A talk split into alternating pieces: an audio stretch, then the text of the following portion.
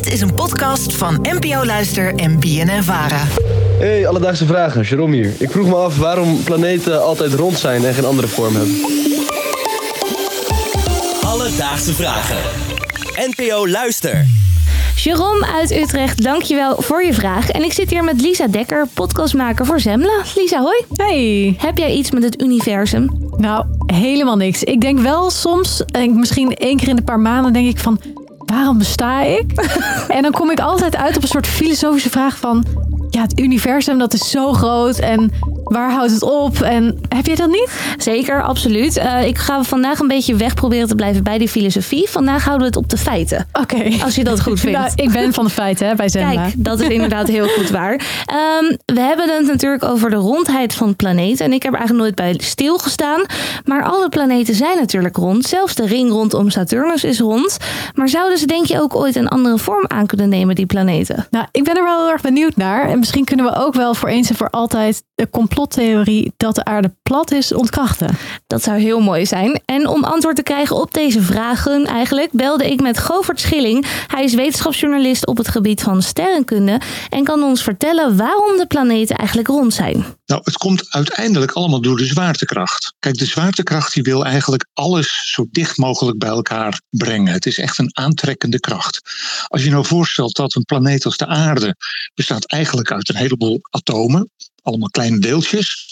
Die willen door de zwaartekracht zo dicht mogelijk bij elkaar gebracht worden. En kleiner dan een bol kun je een verzameling deeltjes gewoon niet krijgen. Dus de zwaartekracht zorgt ervoor dat een groot hemellichaam, wat uit een heleboel deeltjes bestaat, dus heel veel zwaartekracht heeft, dat dat automatisch bolvormig wordt. En daarom zijn alle planeten rond. Ja, dus al die atomen en die deeltjes worden zo in elkaar gedrukt dat het dus een, een bol wordt. Precies, inderdaad. Dus een bal is dus de kleinste vorm waarin je iets kan krijgen. Zo gaf Gover nog het voorbeeld van een sneeuwbal. Dus wanneer jij een handje sneeuw zo klein probeert te maken, zal het eigenlijk altijd een balletje worden. En geen enkele andere vorm is net zo klein als een bolvormig object. Maar ik ben wel benieuwd of een hemellichaam dan ook een andere vorm aan kan nemen dan een bolvorm. Dat kan zeker. Uh, en dat staat of valt allemaal bij de hoeveelheid zwaartekracht. Je hebt bijvoorbeeld die zogeheten planetoïden, die ook wel eens asteroïden genoemd worden. Die kosmische rotsblokken die door de ruimte zweven. Die zijn maar een paar kilometer groot, of misschien enkele tientallen kilometers. Ja, die hebben te weinig zwaartekracht om bolvormig te worden. Dus dat blijven een beetje aardappelvormige, schonkige hemellichamen met allerlei uitstulpingen. Dus je hebt echt wel flinke hoeveelheid materie nodig. Een, een groot hemellichaam wil het helemaal rond worden. En pak een beet boven de 500 kilometer ongeveer is elk hemellichaam bolvormig. Alledaagse vragen. Maar als ik naar de aarde kijk, die is een beetje aan de, aan de polen, is die niet helemaal rond. Helemaal perfect rond. Maar de zon, die ziet er wel echt perfect rond uit. Dat klopt, daar is niks aardappeligs aan. De zon die is inderdaad perfect rond. En misschien is dat wel ook wel het mooiste rondje in het universum. En volgens Govert zit dat zo. En een mooi voorbeeld van een perfect rond hemellichaam, ik moet eigenlijk zeggen vrijwel perfect, dat is onze eigen zon.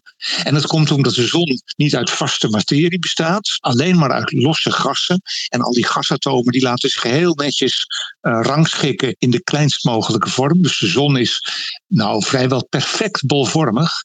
En je hebt sommige sterren, neutronensterren zijn dat, die zijn heel compact, die hebben enorm sterke zwaartekrachtswerking. Die neutronensterren die zijn nou volmaakter bolvormig dan wij het in een laboratorium na zouden kunnen maken. Dus, Jerome, vandaag zochten voor je uit waarom alle planeten in ons sterrenstelsel rond zijn. Dat heeft alles te maken met de zwaartekracht. Een planeet als de aarde bestaat uit heel veel atomen en die willen door de zwaartekracht zo dicht mogelijk naar elkaar toe komen. En kleiner dan een bol kan je een verzameling deeltjes niet krijgen. Er zijn zelfs hemellichamen die volmaakter bolvormig zijn dan dat wij ooit in een laboratorium na kunnen maken.